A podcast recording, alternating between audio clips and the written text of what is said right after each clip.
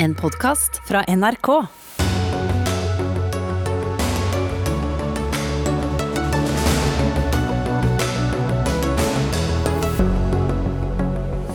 Regjeringens ekspertutvalg vil ta Janssen og AstraZeneca-vaksinene ut av vaksineprogrammet. Men det er usikkert om dem som likevel vil ha vaksinene, kan få dem.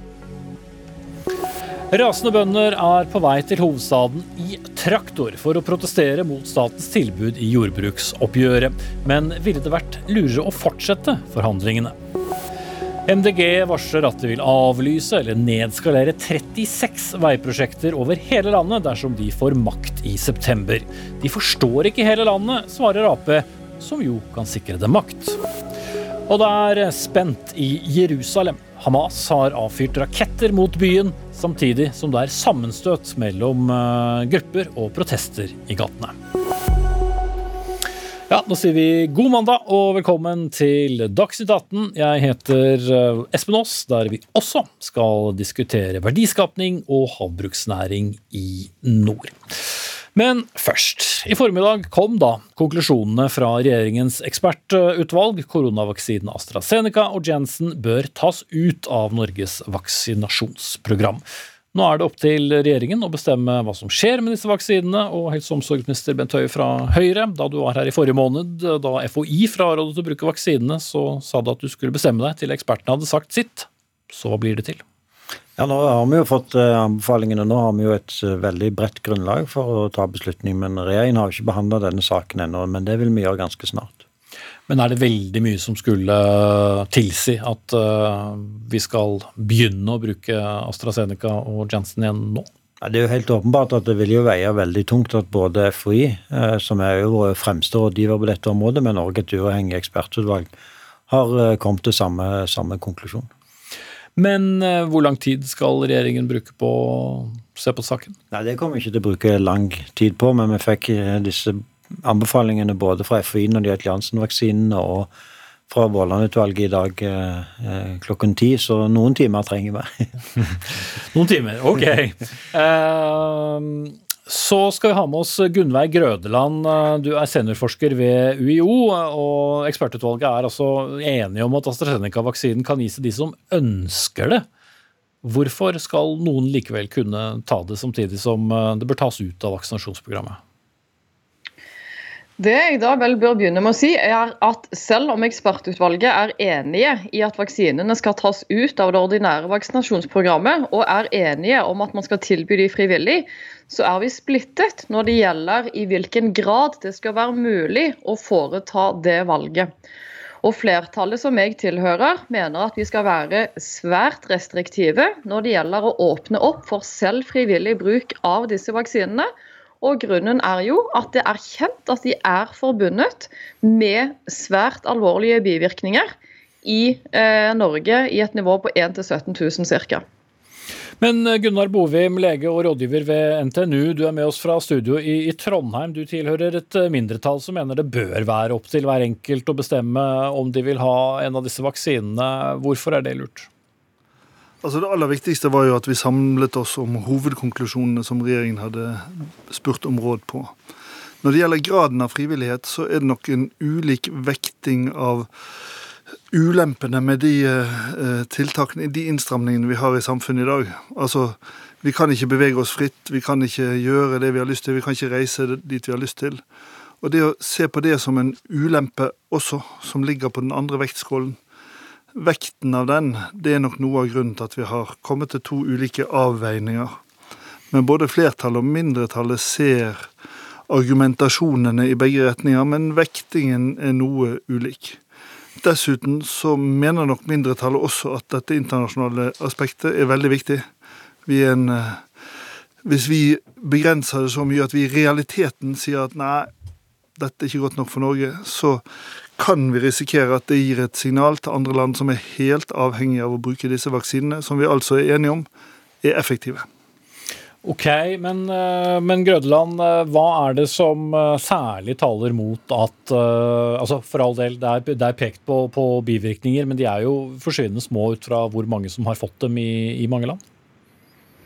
Ja, i Norge så har man anslagsvis 1 000-17 000 EMA sier nå at de vil inntreffe i minst én, eller at det ikke overstiger én per 10 000 i hvert fall. Og så må vi ta i betraktningen det aller viktigste for Norge, nemlig at nå er vi ferdig med å vaksinere risikogruppene våre i stor grad. Sånn at de vi snakker om det skal åpnes opp for når det gjelder frivillighet utenfor vaksinasjonsprogrammet, i hovedsak vil være friske, yngre mennesker. Og er det virkelig svært sjelden og en veldig liten bivirkning vi snakker om.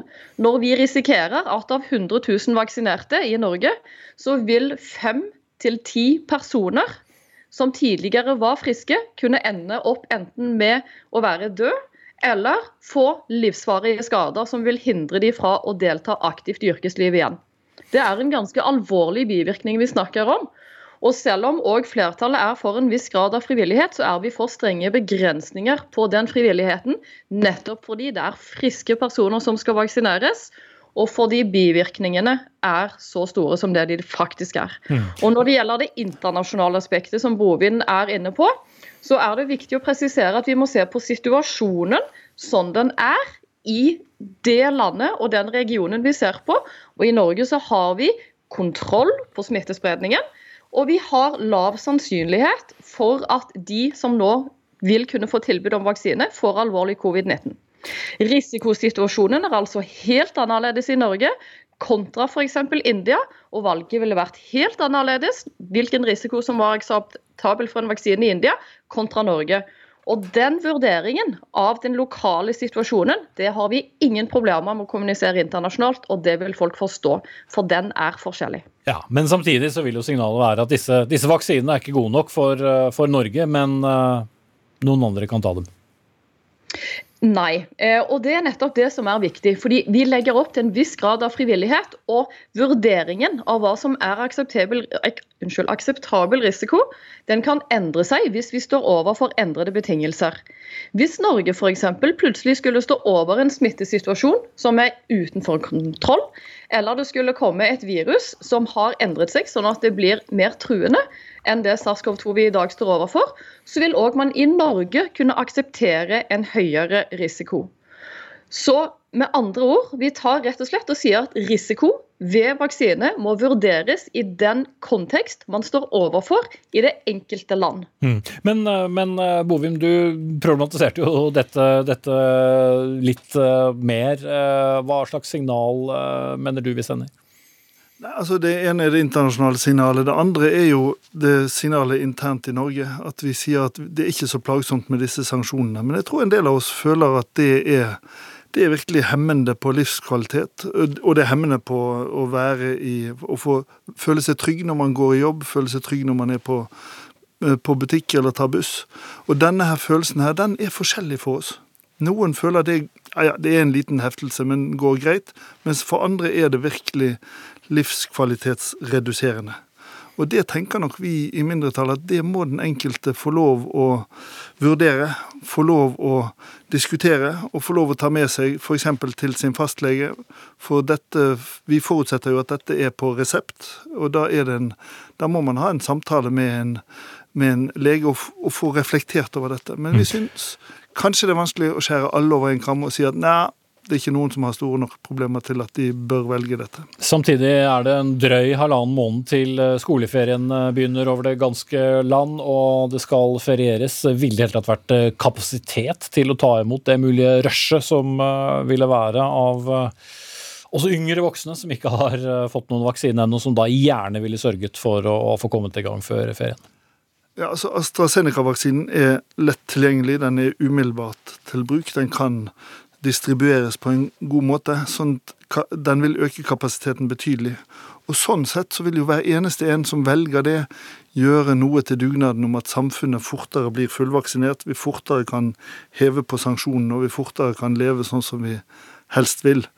Sånn at det er flere effekter som eh, som vi veier litt ulikt mellom mm. flertall og mindretall. Ja, Høie, det er jo dere politikerne som, eh, som, bestemmer, da, som vi vet. Eh, hva slags tanker gjør du deg eh, om det å eventuelt skulle sende AstraZeneca og Janssen-vaksiner til, til, andre land, fremfor å tilby dem til de sikkert mange mange tusen som ville ønsket å ta dem her? Nei, Det er jo det som er det vanskelige spørsmålet, og som òg diskusjonen vi hørte nå eh, viser. For dette er et reelt eh, dilemma. Så Det første vi må ta stilling til, er jo eh, skal vi tilby en eller begge disse vaksinene frivillig i Norge. Eh, og hvis vi skal gjøre det, hvilke type kriterier skal vi ha. Og Hvis vi gjør det, så vil det jo være eh, da er vi mer begrensa. Eh, altså, da må vi ta høyde for det i forhold til hvor mange vaksiner vi beholder sjøl. FHI har jo òg i sin anbefaling sagt at vi bør beholde en viss andel eh, Janssen-vaksiner i Norge som et beredskapslager. og Det vil jo da òg være et spørsmål uavhengig av om en bruker denne vaksinen frivillig eller ikke i Norge. Men så er det jo klart at Norge kan jo ikke sitte på vaksiner som vi ikke har tenkt å bruke, eller som f.eks. går ut på dato eh, når andre land har behov og vil bruke disse vaksinene. og Derfor er det jo sånn at de AstraZeneca-vaksinene som vi hadde på lager, de har vi jo sendt til Sverige. og mm og Island for at de kan uh, bruke de. Og så er det klart at Mange i Norge vil tenke at dette er en godkjent vaksine. Den uh, brukes i alle stort sett andre europeiske land utenom Norge og Danmark. Jeg vil gjerne vaksineres raskt. Hvorfor kan jeg ikke få lovt Eller, eller tenke at da kan jo samfunnet åpne ja. mye raskere, og vi kan både få lønn på konto, øl på bordet på utestedene, og vi kan være der hvor flere andre europeiske land er på vei. Ja, men så er det jo heldigvis sånn at siden vi nedsatte dette utvalget, så har vi jo fire forhold som har endra seg vesentlig. sånn at Denne anbefalingen er mindre dramatisk nå enn det den var for noen uker siden. og Det er jo både at vi har økt intervallet mellom første og andre dose, sånn at vi nå tror at alle over 18 i Norge skal få muligheten til å få første dose i løpet av juli. At vi har sagt at én dose og tre uker er nok til å være beskytta. At det er mer stabil leveranse av de andre vaksinene, at smittesituasjonen går ned. Så, så tidsaspektet vil ikke så være så forskjellig? Som FHI nå opererer med, at det er ca. to uker eh, forskjell eh, mellom det å bruke Janssen-vaksinen og det ikke gjør det. Så det er klart at det er noe helt annet enn det som vi kunne se for oss når vi starta dette arbeidet. Det kanskje innebar en tre måneders forsinkelse i forhold til de forholdene som du trakk opp. Så, mm. så heldigvis da, så er det nå mindre dramatikk i Norge knytta til å ikke ta i bruk disse vaksinene enn det det så ut til når vi satte ned dette arbeidet. Og Det tror jeg òg utvalget har vektlagt i sin hovedanbefaling. En annen ting eh, Gunnveig Grødland, som dere har eh, sett på, er jo å omprioritere eh, vaksineløpet. Og foreslå altså å prioritere for de som er mellom 18 18 og 25 i vaksinekøen, som jo har stått helt i, i slutten. Hvorfor er det riktig? Det er fordi vi vil vektlegge den muligheten eh, vi har til å bruke vaksinene for å redusere smittespredning i samfunnet. Og da er det sånn at eh, De eh, yngre voksne de har typisk flere kontaktpunkter, altså flere personer de er i nær kontakt med Eh, og derfor et større potensial for smittespredning enn de som er eh, i slutten av 40-årene. Og så er det også sånn at De som eh, er nå mellom 18 og 20 har blitt utsatt for relativt tøffe innstramminger, i hvert fall de som bor i enkelte regioner i Norge, og har måttet lide ganske mye pga. de nedstramningene. Sånn at vi mener òg at det å gi de nå mulighet til å få tatt en vaksine og få tilbake en litt mer eh, normal ung voksentid, hvis man skal si det, de vil være en viktig prioritering. Og et annet argument kan jeg, er Jeg må stoppe deg der, for tiden går. for Jeg må spørre Bent Høie, du som har talt til russen og alt mulig. Eh, er det aktuelt? Ja, det er det definitivt. Nå er ikke dette kjerneoppgaven til dette utvalget, men FHI kom kommer òg med en vurdering av dette spørsmålet. Så Dette er et av de spørsmålene som regjeringen veldig snart skal ta stilling til. og Det er definitivt aktuelt å se på en annen prioritering av alder nå når vi etter hvert er ferdig med de ned til 45 år. Mm. Typisk, sier alle vi i slutten av 40-årene. Takk skal du ha, Bent eh, Høie, helseminister, Gunnveig Grødland, seniorforsker ved Universitetet i Oslo, utvalgsmedlem, og Gunnar Bovim, lege og rådgiver ved NTNU i Trondheim.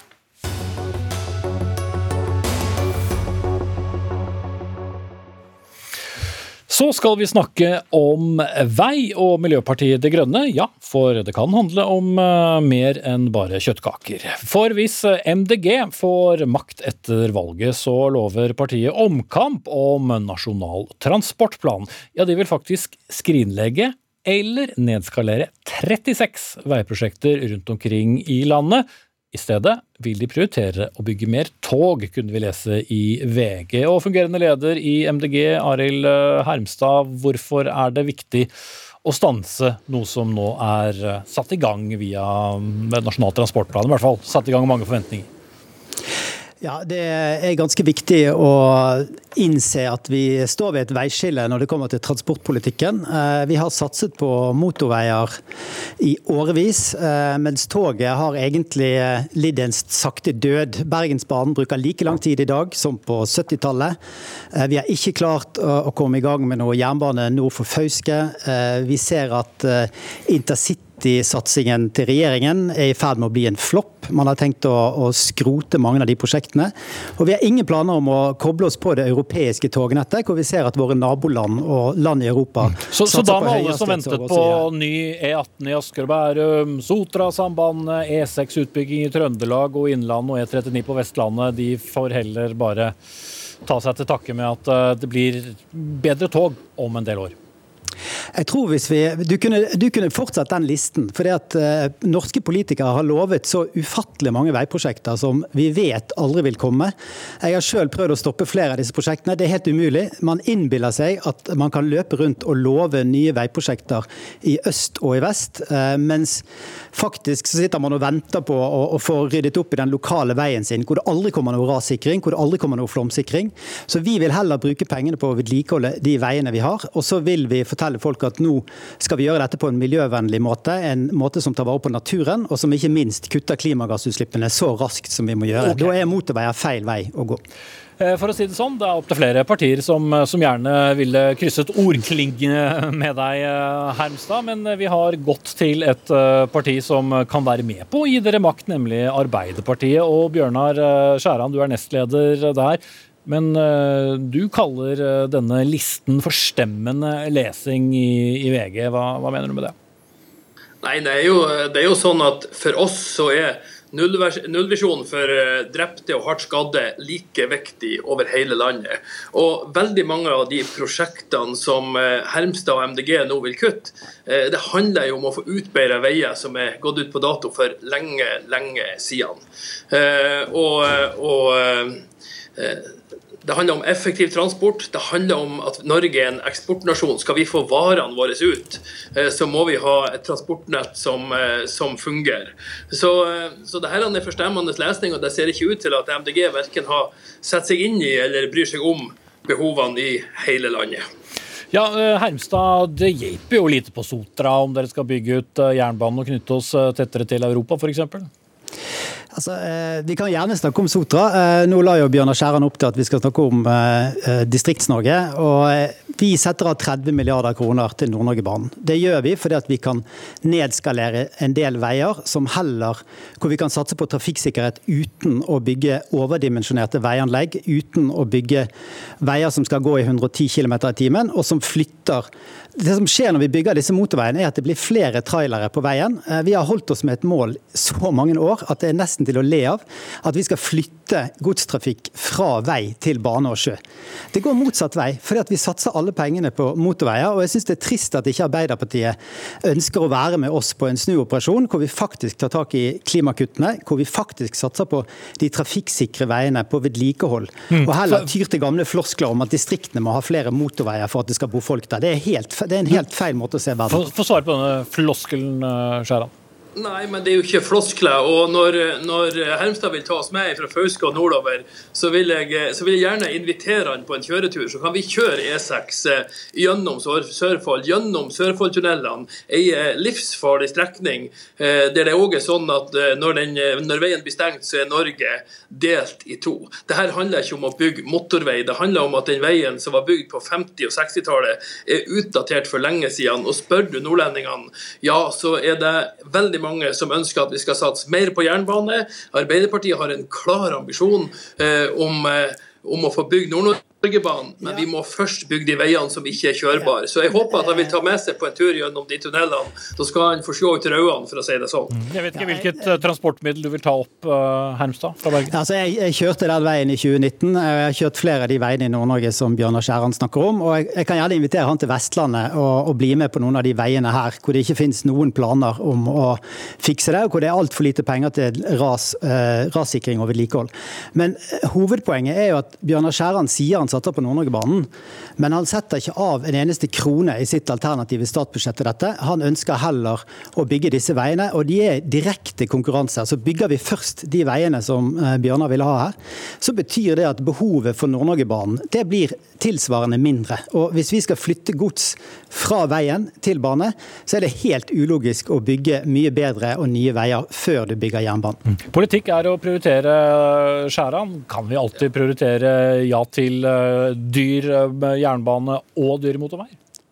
Nei, men eh, Vi har jo vist gjennom flere nasjonale transportplaner at det går an å få til et løft for jernbane. Nå har vi en regjering som har, har kuttet mye av det som, på, som lå inne på jernbane i nord. Eh, og Jeg kunne snakke om Vestlandet, men når, når når Hermstad bringer inn Nord-Norgebanen, så er det sånn han foreslår altså å stryke Hålogalandsveien, det største samferdselsprosjektet i nord, som har lyet i mer enn tre nasjonale transportplaner, og som er klart for realisering.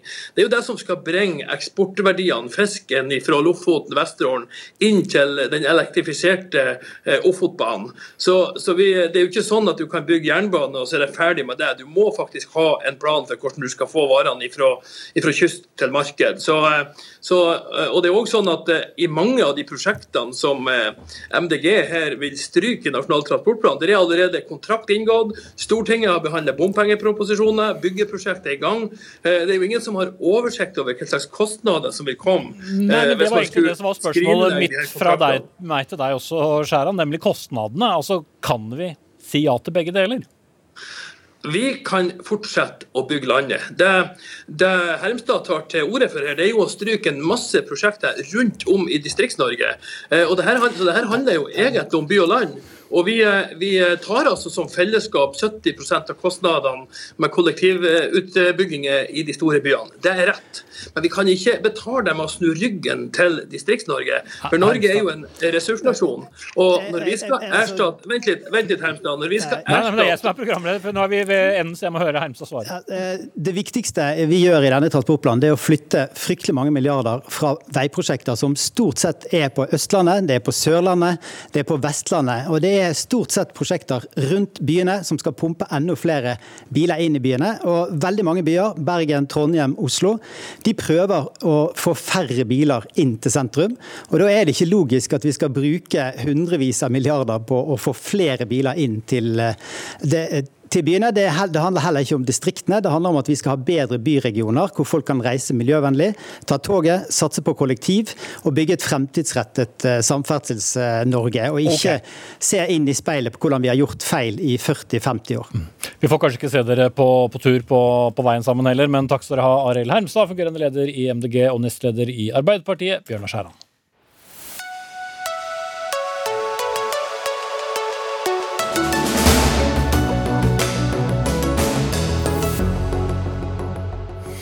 Vi skal snakke mer om Nord-Norge mot slutten av sendingen, for da vil Arbeiderpartiet nemlig doble verdiskapningen fra havbruk i nord, men både miljøbevegelse og kystfiskere kaller dette forslaget for skremmende. Akkurat nå er det ekstra mange traktorer på vei til eh, hovedstaden. Det er eh, jordjernbønder som kjører traktor, og akkurat nå er de veldig sinte. De er sinte på eh, tilbudet som de fikk i årets jordbruksoppgjør, og derfor skal de samles foran Stortinget for å vise sin misnøye med tilbudet. Kravet fra bøndene var på 2,1 milliarder kroner. Statens tilbud før forhandlingene var på under halvparten. Og et par dager etter at tilbudet ble levert, så varslet altså bondeorganisasjonen at de bryter ut av det. Med Olaug Bollestad, landbruks- og matminister fra KrF, du var jo selvfølgelig skuffet, eh, som du sa, over at de ikke ville forhandle, men var du overrasket når tilbud og krav var så langt unna hverandre? Ja, det som jeg er opptatt av, det er at eh, KrF har vært opptatt av når vi satt i opposisjon i Stortinget fra 2013 og fram til nå, å minske inntektsgapet, som de er veldig opptatt av, og som jeg hadde fått virkelig med meg var viktig for, for bondeorganisasjonene, som er vår forhandlingspartner. Eh, og vi la til et tilbud som i utgangspunktet var likt i kroner, det som er forventa at andre yrkesgrupper vil få i 2022. Og Så var det utgangspunktet for å forhandle, og det er jo ganske unikt i Norge. det. For vi er det eneste land som har den muligheten at bøndene de forhandler med staten både om innretning, om eh, inntektsutjevning, om eh, tak på produksjoner og hvordan vi skal sikre et landbruk i hele landet. Vi diskuterer veldig mange ting i det jordbruket. Og så trakk de seg ut før vi hadde begynt. Det syns jeg Da mister vi en mulighet til å forhandle videre. For det er alltid sånn at et tilbud blir aldri et sluttresultat. Mm. Lars Petter Bartnes, du er leder i, Norges uh, Bondelag og travelt opptatt med, med våronn, men med oss, med oss likevel. Var det, var det, så klokt å, å smelle igjen døren før dere i hele tatt hadde begynt å diskutere noe videre? Ja, For det første så har vi jo starta en prosess. Vi studerte jo statens eh, tilbud grundig og godt, som vi alltid gjør. Det ble avholdt et møte. Vi har hatt uformelle kontakter med motparten. Det ble avdekt veldig stor avstand, og det var ikke mulig å ha øyekontakt med en løsning i år. Det er faktisk sånn at det er stort behov for å få løfta inntektene i norsk landbruk betydelig. Og Det gjorde vi et krav på. 30 eh, 000 kroner i å redusere inntektsavstand eh, per årsverk. Det var helt nødvendig å sette, eh, finne løsninger på i år. Og det er ikke bare de 30 000 som trengs. Husk på det at det er mange ungdommer som søker inn på landbruksskolene rundt omkring om, nå i høst og, og ja, de siste åra. Og vi må skape lyst til å drive gårdene. Vi må skape inntekt til bønder og muligheter for å investere. Mm. Så Men, dette var en alvorlig situasjon i år, og jeg beklager at det ikke var mulig å finne løsning. Men nå øh, blir det jo ikke noen ytterligere forhandlinger. Nå skal jo saken da videre til, øh, til Stortinget. Nå møtes dere for så vidt i, i studio i Dagsnytt 18 staten da, Bartnes. Men hadde du så liten tro på at dere kunne flytte tilbudet fra staten? Ja, vi har jo, For min del da, så er jo det sjuende jordbruksoppgjøret jeg gjennomfører i rekken. Min erfaring er at det er mulig å hente forhandlingsgevinster gjennom jordbruksoppgjør.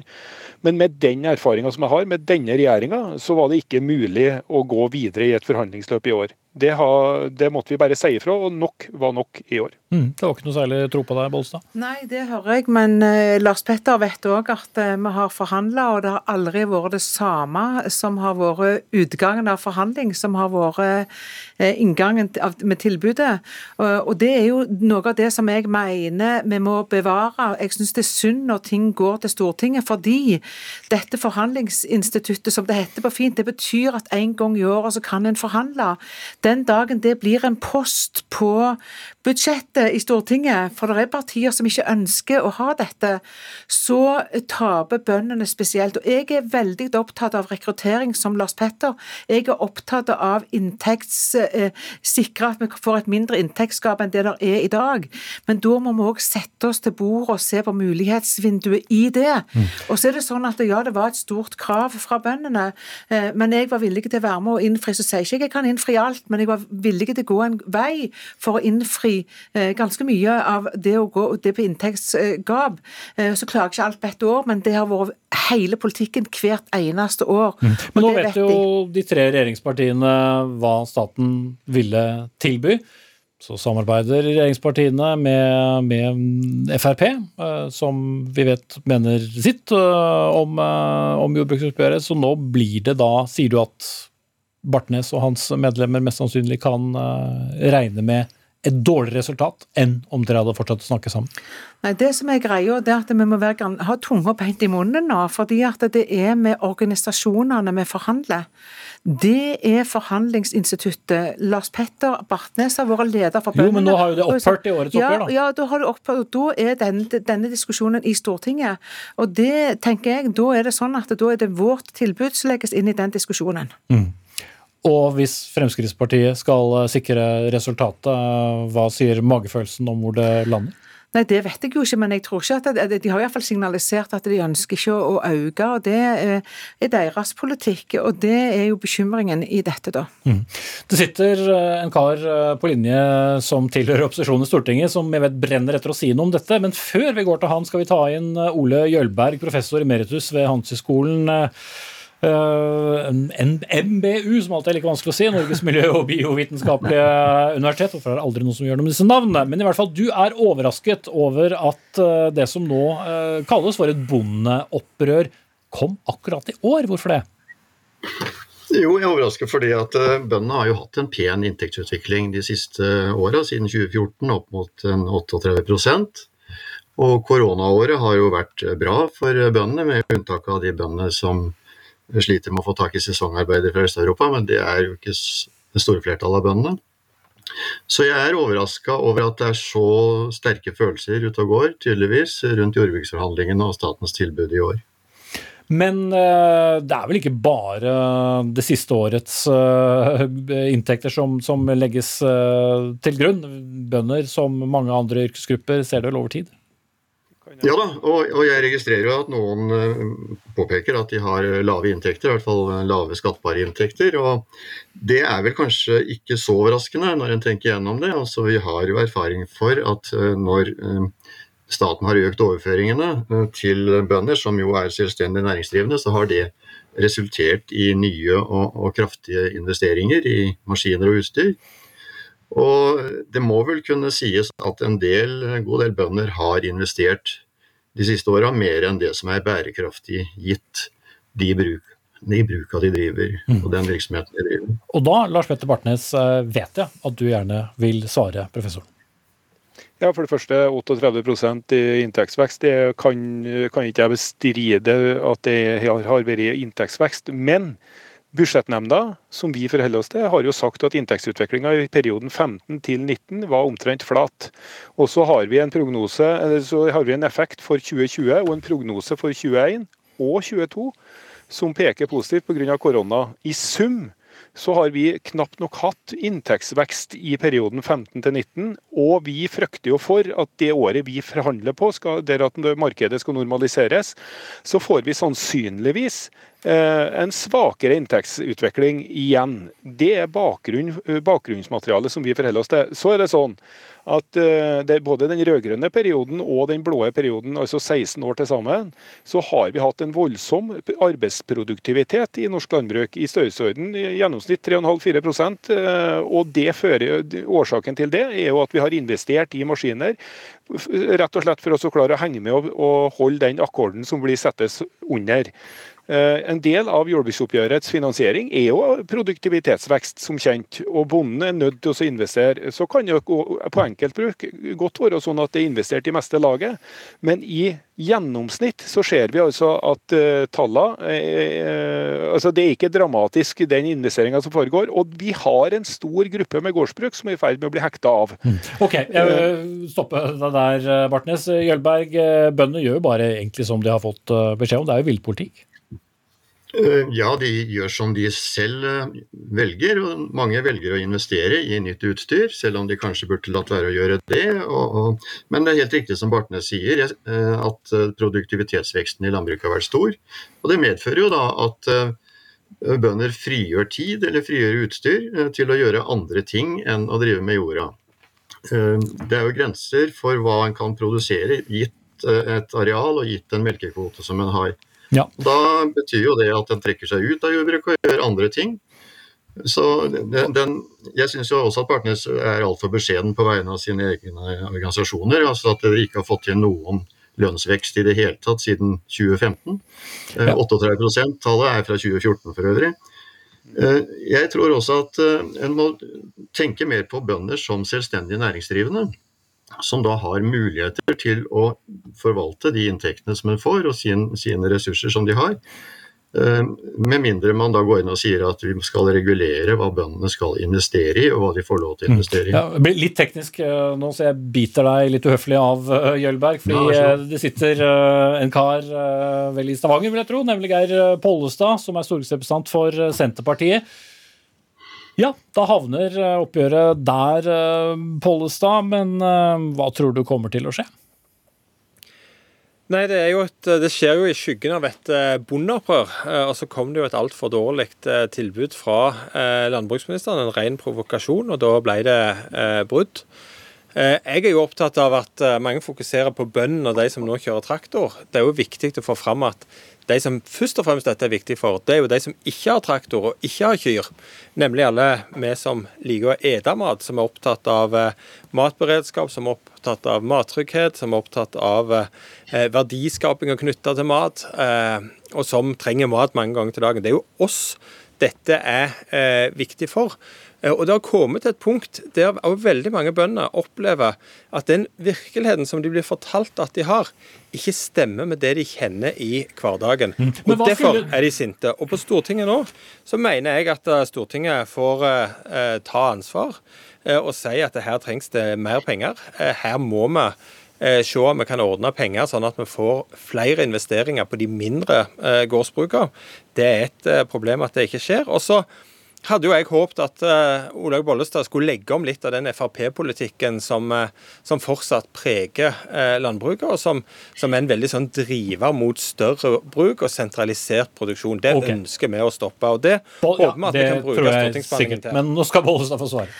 Ja, For det første, Geir Bollestad, så er det jo sånn at det forhandlingsrommet det gikk de aldri inn i. Og jeg har sagt og svart at jeg var villig til å forhandle på alle punkt i jordbruksavtalen. Og da både struktur og størrelse på uh, mengder, altså på, på, produksjoner. Det var jeg villig til å, å, gå inn i.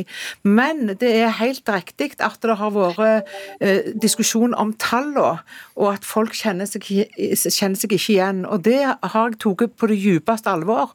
Og derfor så var i tilbudet nettopp lagt ned et, et utvalg som skulle se på tallene vi legger til grunn. For det er kjempeviktig at vi har tillit i begge leirer når vi skal forhandle til tallene.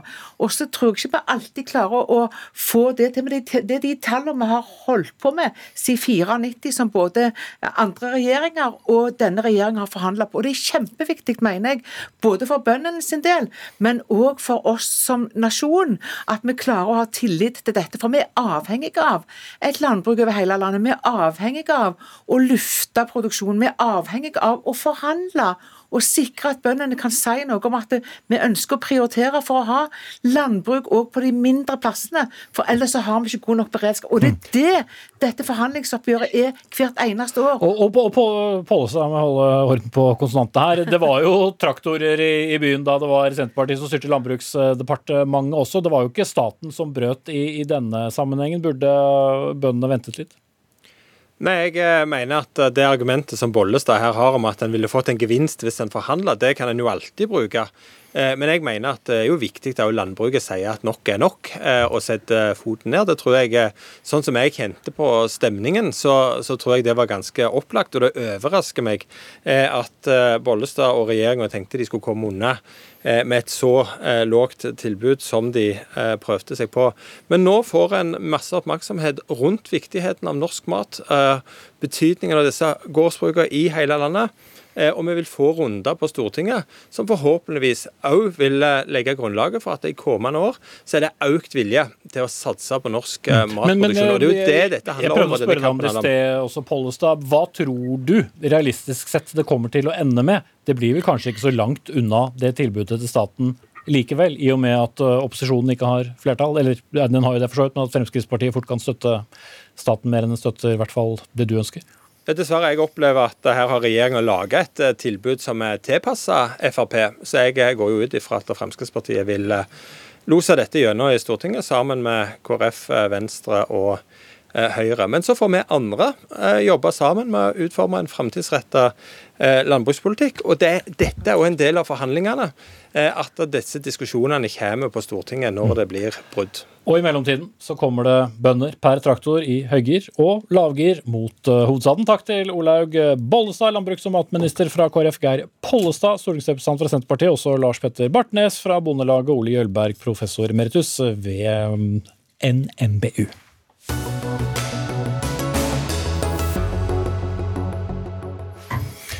Så kommer det dramatiske meldinger fra Jerusalem i ettermiddag. Hamas har nå i ettermiddag bekreftet at de har skutt minst én rakett mot byen. Minst ni personer er drept, ifølge palestinske myndigheter. Tidligere i dag stormet israelske soldater palestinernes Haram al-Sharif, eller Tempelhøyden, som jødene kaller dette området ved Al-Aqsa-moskeen, overfor klagemuren. Flere hundre skal være såret, og rundt 80 brakt til sykehus. Der vil sikkert tallene endre seg noe. En eh, planlagt marsj arrangert av jødiske nasjonalister er blitt avlyst fordi politiet sa de ikke fikk lov å gå inn i eh, byens muslimske områder. Så hva slags situasjon er det vi har i Jerusalem eh, nå, Sissel Wold, NRKs Midtøsten-korrespondent? Av det du sier, så kan vi vel konkludere at det er en eksplosiv situasjon.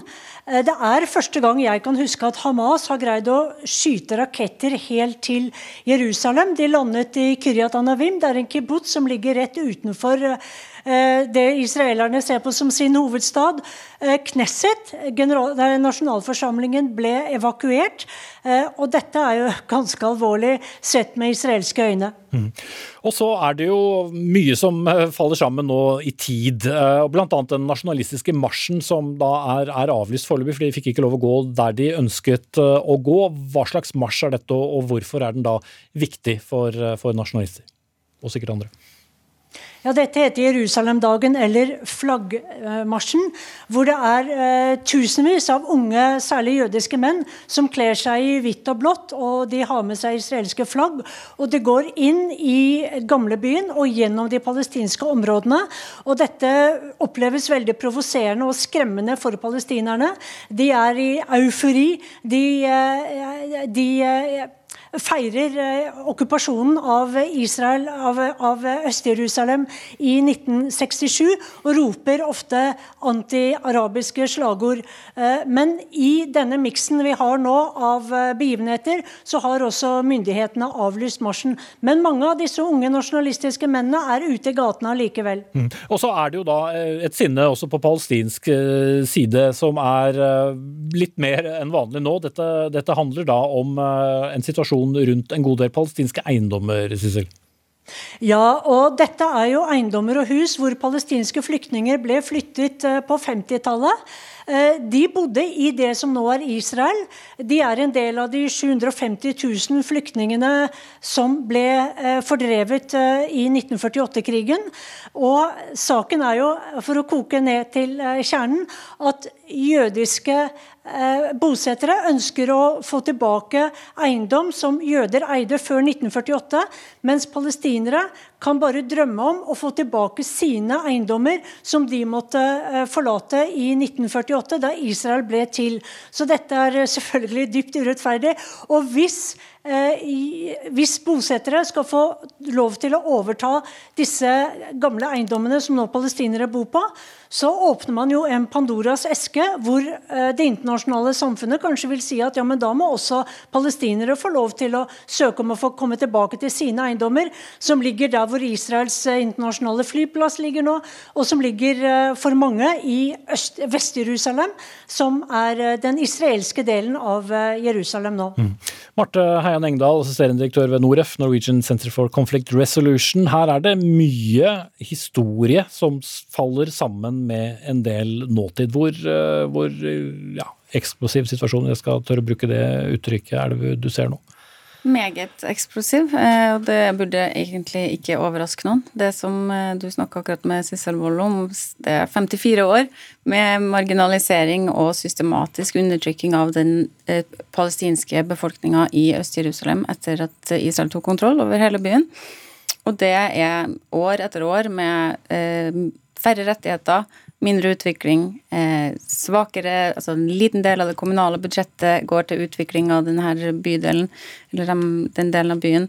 Eh, flere husødeleggelser, eh, flere utkastelser fra hus, som det er snakk om her. Eh, og en politisk marginalisering, ikke minst. Det er altså østpalestinere i Øst-Jerusalem har et såkalt østpalestiner-ID-kort. De er altså ikke fulle statsborgere i staten Israel, sånn som andre palestinske israelere. Eh, kan ikke stemme i nasjonale valg og har bare en sånn oppholdstillatelse i byen der de er født og oppvokst. Mm. Så, det er en skikkelig trykkoker. Vi har også sett bilder da fra Al-Aqsa-moskeen i dag hvor det er steinkasting, det er, eh, det er eh, soldater. Og så kommer det nå også da raketter inn mot Jerusalem fra Hamas. Ja, du ser jo, sant, Hvis du tar de her eh, fem tiårene med denne type politikk da, over tid, og så legger du på eh, et mislykka, et avlyst palestinsk valg, enorm frustrasjon blant unge palestinske eh, i Øst-Jerusalem over å være marginalisert politisk og ikke få komme til orde i verken det ene valget eller det andre. Kniving så klart på internt på palestinsk side. En israelsk eh, politisk situasjon som er totalt kaotisk, med også flere mislykka valg. Eh, og så har du her, eh, den rettssaken som akkurat ble nevnt. Du har ramadan og bortvisning av palestinere som ønsker å feire at fasten brytes sammen på vanlig vis. Og så har du liksom selvfølgelig religionen som Eh, om det er bakteppe eller om det er selve trykkokeren sjøl, eh, det vil sikkert eh, være ulike meninger om, men som i alle fall er en meget effektiv eh, bryter og skru på for dem som har lyst til å dra opp temperaturen mm. ytterligere. Utenriksminister Ine Riksen Søreide fra, fra, Høyre. Norge har jo sitt eh, forhold både til, eh, til Israel og hele Midtøsten-prosessen. Hvordan reagerer vi på det som nå skjer? Vi har reagert eh, veldig sterkt og bedt eh, begge parter gjøre det de kan for å roe ned situasjonen. Dessverre så ser vi jo at de siste bare timene har bidratt til å øke trykket ganske kraftig. Og vi har nettopp eh, gjennomført et møte i Sikkerhetsrådet, et hasteinnkalt møte, som var ferdig for bare et par timer siden. Og nå har eh, Norge og de andre rådsmedlemmene satt i gang forhandlingene om en tekst en, for en uttalelse fra, fra, Sikkerhetsrådet. Og det er stor enighet om at det er nødvendig å komme med en uttalelse nå i løpet av dagen, New York-tid eller i, i morgen. Fordi nå er situasjonen i ferd med å komme ut av kontroll, og det er eh, bare partene som kan bidra til å roe den ned, og Sikkerhetsrådet kan understøtte den eh, situasjonen. Men er det noe som tyder på at noen har tenkt å roe ned, nå som også rakettene har eh, begynt å komme?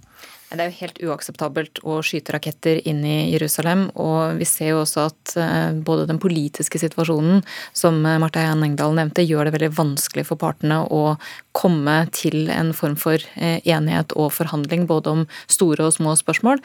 Men samtidig så er det jo sånn at veldig mange ytterliggående krefter på begge sider har hatt stort spillerom over lang tid. Og det er også en av grunnene til at jeg på lørdag også ba både religiøse og politiske ledere om å bidra til å roe ned situasjonen. For de har makt til å gi tydelige beskjeder eh, hvis de ønsker det, og det gjelder på begge sider, og det mener jeg de må bruke. Og så jobber vi da sammen med de andre rådsmedlemmene for å få til en uttalelse som også veldig klart og tydelig eh, sier hva, hva, Sikkerhetsrådet og det internasjonale samfunn forventer av partene nå. Mm. Men som Heian Engdahl også var innom, bare den politiske situasjonen er jo mildt sagt kaotisk. Det er valg etter valg, vi har en statsminister som er svært omstridt, så har du da alle alle disse sammenfallende tingene som, eh, som skjer. Så for å spørre som en mann i gata, hvor mye får en sånn tekst å si oppi dette kaoset? Hvis vi klarer å komme til enighet om en tekst med alle land i Sikkerhetsrådet, så vil det ha en, eh, ha en veldig, være en veldig tydelig beskjed. Det ble jo gitt en orientering fra FNs spesialrepresentant Tor Vennesland i Sikkerhetsrådet i dag. Og vi står jo i løpende kontakt både med vår FN-delegasjon og ambassadene våre i regionen. Fordi vi ønsker jo for det første å følge situasjonen og hva som endrer seg på bakken, men samtidig forsøke å bidra til at dette nå roer seg ned. Men jeg vil bare si at situasjonen som den er nå, er eksplosiv. Den kan veldig fort komme ut av, helt ut av kontroll. Og vi kan komme til å se en ytterligere eskalering i løpet av de neste timene og dagene. Mm. Står det noe ekstra på spill også for Norges del, med så mye ressurser vi har uh, lagt inn i, i, i denne regionen liksom, gjennom så mange år, og vår tilstedeværelse da, uh, som du akkurat var innom også? Først og fremst så ønsker vi å bruke den lange erfaringa vi har eh, i Midtøsten til å bidra til at Sikkerhetsrådet kommer med en uttalelse, men også eh, å henstille til partene veldig tydelig om å roe ned. Og ikke minst også henstille til både religiøse og politiske ledere i regionen til å bidra til det. Fordi det er nå veldig lite som skal til før denne situasjonen kommer helt ut av kontroll. Og, det at det politiske handlingsrommet på begge sider er så lite og så marginalt, gjør jo også at det å eskalere veldig ofte vil framstå som en enklere løsning enn det å trappe ned. Og det er akkurat der vi er nå. Mm, og det det jeg skulle frem til med deg også, Heian Engdahl. for Én ting er nå hva politikere måtte føle, men så har du da så store grupper på begge sider som er gjensidig eh, frustrert på, på hver sin måte. Så det å få en beskjed om at nå skal vi skalere ned, kan kanskje virke mot sin hensikt?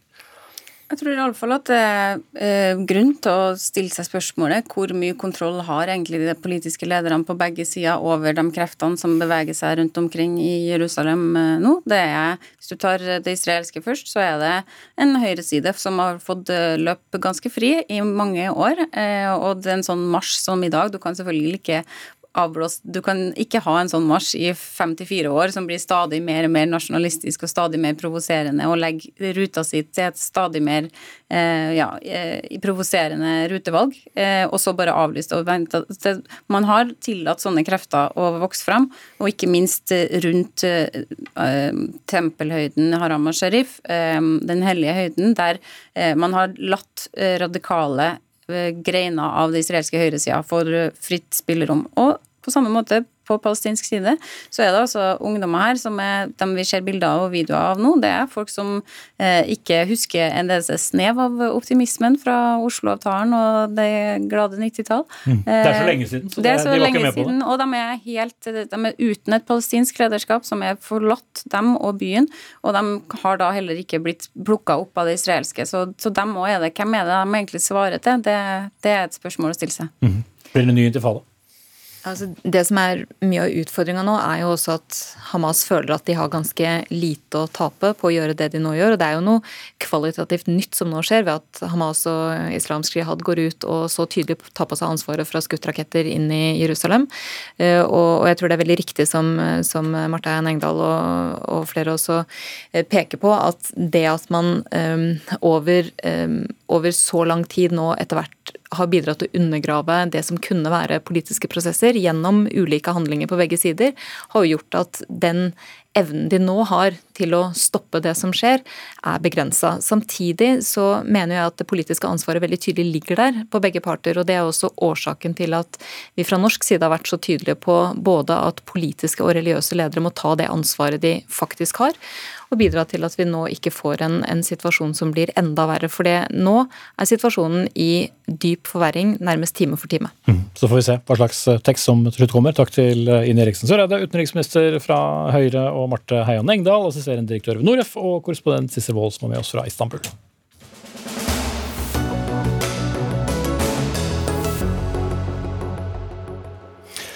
Verdiskapningen fra havbruk ja, den skal dobles på ni år. Dette målet kom Arbeiderpartiet nylig med i sitt nye partiprogram, som ble vedtatt på landsmøtet. Men disse planene ja, de skremmer både kystfiskere og miljøvernere langs eh, kysten. Hvorfor det, Tøyne Katarine Sandnes, leder av Folkeaksjonen for lukkede anlegg?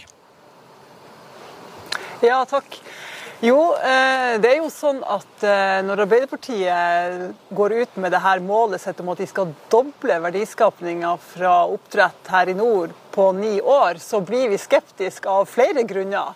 Eh, det ene er jo det at vi har en næring nå som har enormt store utfordringer enormt store utfordringer. Eh, og å se for seg en dobling av her utfordringene, det, det, har jeg vanskelig for å tro at eh, Arbeiderpartiet virkelig mener. Vi har en næring i dag som eh, står for enorme mengder med avfall urensa rett ut i fjorden. Faktisk så mye avfall at det tilsvarer kloakken fra fire ganger Norges befolkning. Næringa sliter med store dødstall. Eh, den er en fare for eh, villaksen. Den bidrar til utslipp av miljøgifter, og vi leste nylig at eh, den står for utslipp av 1000 tonn med kobber Mm. hvert år Men i sjøen. Bare Så eh, ser man det her, i dette lyset, så, så, så er det her skremmende, og jeg tenker også ganske urealistisk. Men betyr dobling av verdiskapning nødvendigvis en uh, dobling av antall fisk i merder langs kysten? da? Altså, Vi har jo en næring og egentlig også myndigheter som i mange år har lagt til rette for og ønska seg eh, større verdiskapning, uten at de har klart å få det til.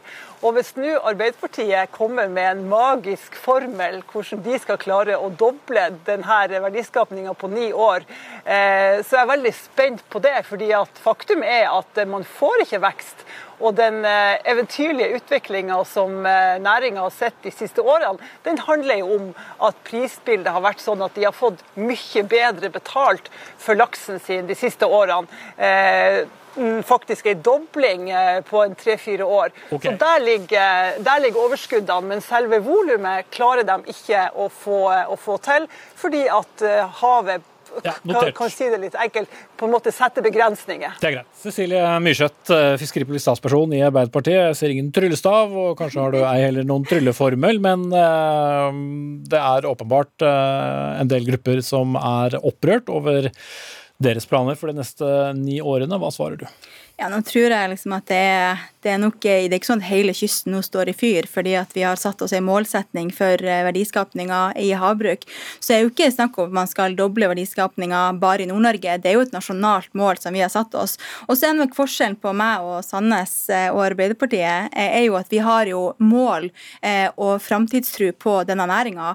Ja, det er mange utfordringer med oppdrettsnæringa, men det er jo ikke Arbeiderpartiet som har styrt eh, havbrukspolitikken de åtte årene. Det er det de blå som har. Jo, men, samtidig men- så er man jo opptatt av det er dere Ja, som, ja, ja. som setter eh, målene, og hvis dere også ender i, i eh, regjering fra, fra høsten, det så er er det målet. deres ansvar. Det er målet. Og vi skal også ha verdens mest bærekraftige havbruksnæring. Det er, jo, det er jo hele grunnlaget for å kunne få til denne veksten. Og det har vi jo også mange, mange eh, punkter på. Men det som jo er utfordringa eh, med det Sanne sier, er jo eh, For det første så tror jeg ikke hun vil ha noen form for, eh, for vekst i havbruksnæringa. Jeg vet ikke om hun vil ha så veldig mye havbruk i utgangspunktet, og det er jo en ærlig sak. Men det som vi ser, vi kan ikke binde oss til én teknologi. fordi det å ta til orde for er jo at alle oppdrettsanlegg skal være i såkalte lukka anlegg. Vi er politikere, vi kan ikke stoppe innovasjon med å si at det skal være én form for teknologisk utvikling. Vi må jo, må jo, til, eh, vi må jo sikre at vi får eh, vekst på, på mange mulige måter. Men, men det må dere få til da sammen med oppdrettsbransjen. Ja, Nytter jo ikke at eh, dere plutselig kommer med en rekke forbud eller eh, formaninger, og det vil jo heller da ikke doble verdiskapningen nødvendigvis, hvis da næringen sier at neimen, da blir det ikke vekst. Nei, men jeg tror, eh, jeg tror nok at det er mulig å få til det vi sier, og det er ikke urealistisk. Men man må jo ville noe. Men verden trenger mer bærekraftig mat. Vi trenger å spise mer fisk. eh, Og den norske fisken er i verdensklasse. Det betyr at vi må sørge for å få, få tilgang til flere markeder. Nå har vi jo nettopp eh, lært at Øst-Asia blir et nytt Jo, jo, men spennende det marked. handler vel om noe ganske annet enn det du snakker om da, Sandnes. For du er vel mer opptatt av hvordan dette produseres, enn nødvendigvis markedene det skal ut til. Ja, og, eh, og når eh, Myrseth sier at eh, vi skal produsere verdens mest bærekraftige fisk, da er bare mitt svar at da har Arbeiderpartiet en lang vei å gå. For sånn som denne næringa er i dag, så kan man si veldig enkelt at den drifter på samme måte som den gjorde i den spede begynnelse i Trøndelag på 70-tallet. Det er åpne merder som slipper all, eh, alt sitt avfall direkte ut i havet. Jeg kunne jo tenke meg å spørre Cecilie Myrseth om hun har tenkt over det ulogiske i at alle, eh, på alle områder i samfunnet i dag så er det forurensningsloven som gjelder. Hvis en oppdretter i et lukka anlegg på land, som jeg tenker meg at Arbeiderpartiet kanskje også vil ha eh, eh, Hvis denne oppdretteren eh, søker om å få lov å slippe avfallet sitt rett ut i fjorden, så er det helt utenkelig. Han vil ikke søke engang, for det er så utenkelig.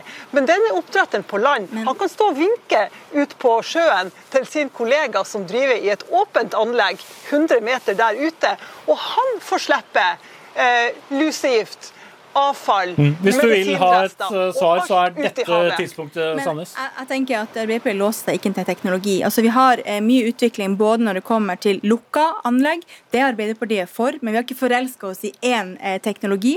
Semilukka anlegg er en annen ting, på land er en annen ting, og offshore havvind, nei, havbruk er, er en annen teknologi. Så det er mange ulike måter å gjøre dette på, men vi må sørge for å utvikle eh, og innova få innovasjon for å få ny teknologi, for å også sikre den bærekrafta som vi skal. Og vi må stille strenge krav til denne næringa. Det har Arbeiderpartiet tenkt. Vi har masse punkter i vårt program som bidrar til det. Eh, Men, må, men forutsetningen er jo at man ønsker vekst. Ønsker man å se på havbruk som en del av framtida til Norge, sånn at vi kan sikre fremtidig velferd eller ikke? Vi ønsker det. Ok, der blir det punktum, enten det er valgfisk eller valgfisk, eller eh, hva det er. Cecilie Myrseth, fiskeripolitisk statsperson i Arbeiderpartiet, og takk til Toine Katrine Sandnes, leder av Folkeaksjonen for lukkede anlegg.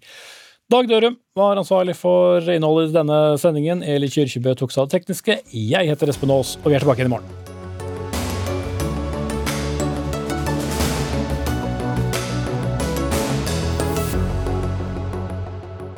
Du har hørt en podkast fra NRK. Hør flere podkaster og din NRK-kanal i appen NRK Radio.